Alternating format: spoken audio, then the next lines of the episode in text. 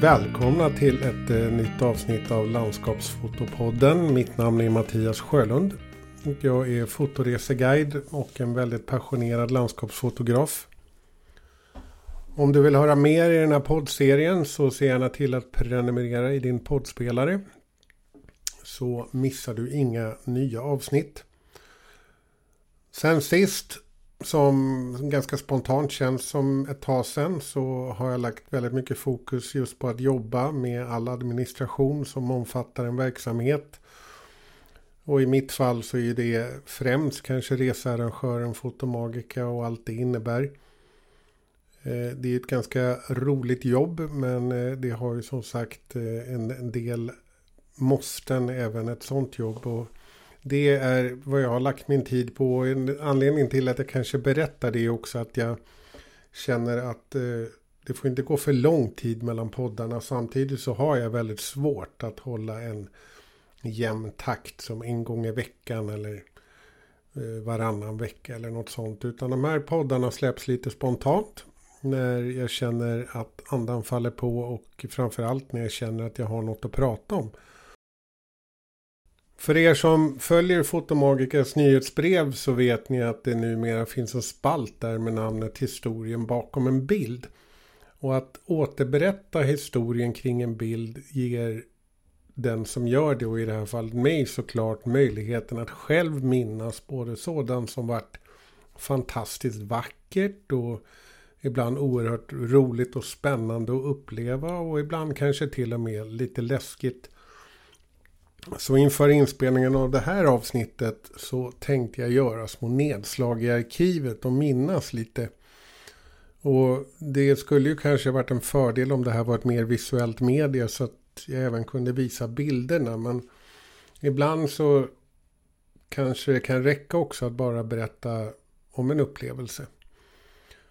Och ett exempel på det är våren 2018 när jag befann mig med en grupp kunder i Norge närmare bestämt i Romsdalen. Och vår lokala guide Ole Henrik fick en idé sådär runt tio tiden på kvällen att vi skulle bryta upp vårt middagshäng och sticka ut till ett ställe som han kände till. En helt spontant påkommen grej som skulle visa sig bli en av de mer minnesvärda nätter jag upplevt. Eh, ja, i alla fall som fotograf. Och färden tog oss upp i terrängen och in i ett område som förvisso inte upplevdes speciellt stort. Men som hade väldigt mycket av de här kanske klassiska och fina beståndsdelarna som vi gärna vill ha i ett landskap. Exempelvis en redig fors som dånade ner i en älv. Den här forsen var omgärdad av höga tallar. Och i det här sena blåa ljuset under den här ganska ljusa vårnatten kunde vi fånga det här naturens under iklätt i den absolut vackraste dimma jag kan upptänka. Och det bara fortsatte och fortsatte och vi var där säkert i flera timmar.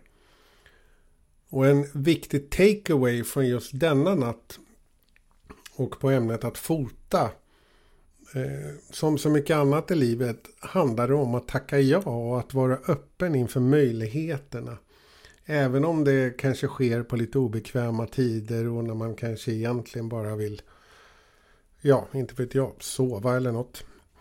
Eh, I ett samtal igår med en kollega från Norge fick jag höra talas om en tur till eh, någon del av USA för några år sedan där stora delar av gruppen stannade hemma.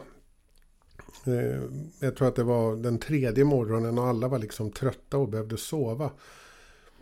Och de ville helt enkelt passa på att sova ut då prognosen under kvällen meddelade att det skulle bli regn under den tidiga morgonen. Eh, men jag tror att ni kan gissa vad som hände sen. Sjusovarna missade inte bara resans bästa morgon. De missade så pass unika förhållandet att det så här flera år senare fortfarande är något som alla som var där fortfarande pratar om. Och det är ju såna här episka och fantastiska stunder man egentligen bara får uppleva om man faktiskt tackar ja och bejakar möjligheten. Och på tal om det, många fotografiskt fina minnen kommer av att ta sig ut även när vädret inte är vad du kanske önskat. Eh, en mycket gammal äppelträdgård exempelvis med små och vackra träd vart det perfekta objektet i en snöstorm jag sent ska glömma och som skedde här kring där jag bor för några år sedan. De minimalistiska bilderna som endast innehåller ett träd i taget och med snön som faller såväl mellan linsen och trädet och även då mellan trädet och bakgrunden gav flera bra bilder. Eh, förmodligen fler bra bilder på en enda dag än jag någonsin tagit. Och jag brukar hävda att utöver dimma så är just nederbörd antingen i form av regn eller snö att föredra just för att få de här fina separationerna. Till flera av mina kunder brukar jag påtala vikten av att känna sina närmsta omgivningar i trakten där de bor. Just för att kunna skapa när förhållandena är rätt. Detta har många gånger givit mig både fina minnen och bilder som jag tycker om. En ensam ek ute på ett fält här i norra Uppsala en försommarkväll när himlen brinner. Och på tal om brand så har jag många oförglömliga månader på exempelvis Knuthöjden att berätta om. En så pass att någon som såg bilden undrade om de verkligen bedrev svedjebränning där. Men magiskt är det när den kalla nattdimman med solens kraft förbyts till något guldskimrande som är så kraftfullt och så vackert att det bara kan upplevas för att det ska gå att förstå. Och upplevelserna är just nyckeln här. Min eh, fotokompis David Thompson har precis som jag en ganska blygsam rigg. Och varje eventuell investering väger i alla fall han emot ytterligare en resa. En ny 400 mm lins som jag vet att han gärna vill ha är i hans ögon en resa istället. Han väljer alltså aktivt bort tekniken för att kunna samla på upplevelser och därmed minnen som kommer att finnas för evigt. Ett annat minne jag tänkte prata om utspelar sig en ganska ordinär lördag för något år sedan på Lofoten. Eh, vi tog då gruppen upp till Svolver och området däromkring. Och det var höst och sådär lagom skönt ute. Men det fanns inte en vindpust. Och alla de här vackra bergsjöarna låg spegelblanka under precis hela dagen. Och fotofesten pågick gott och väl i 6-7 timmar. Och jag kan säga att bilderna vi kom med därifrån kommer för alltid att rankas högt i mitt personliga bibliotek. Och även såklart de fantastiska minnena utav hur vackert det var. En helt annan sak som ja, inte är helt orelaterat såklart eftersom det handlar om foto. Men i generella ordalag är vi ju ganska dåliga på att ta det lugnt. I vår vardag är vi liksom relativt bokade och fulla av saker vi måste göra. Och i bästa fall består huvuddelen av de här sakerna av sånt vi faktiskt även vill göra. Eh, men när vi kliver in i den här passionen, vår bubbla som vi tar vår tillflykt till och naturen och landskapen och ljuset. Så blir det ju lite lättare att andas och lättare att leva. Eh, och jag har ju haft turen att få träffa väldigt många människor som delar den här passionen både privat och genom mitt jobb. Men mina samlade intryck är att vi behöver sakta ner generellt.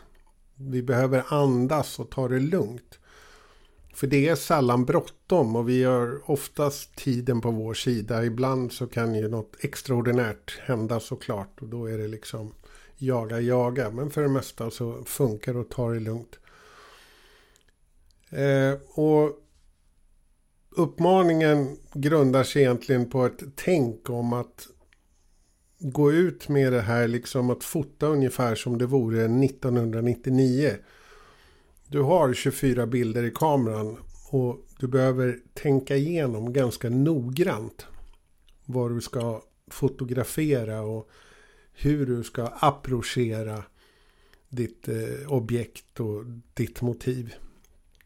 Och gör det här som en utmaning. Eh, och känn efter att det inte blir så stressigt längre. Utan du har de här bilderna att disponera över. Och så bestämmer du dig noggrant för vad du ska bokstavligen lägga pengarna på. Tack för att du har lyssnat. På återhörande.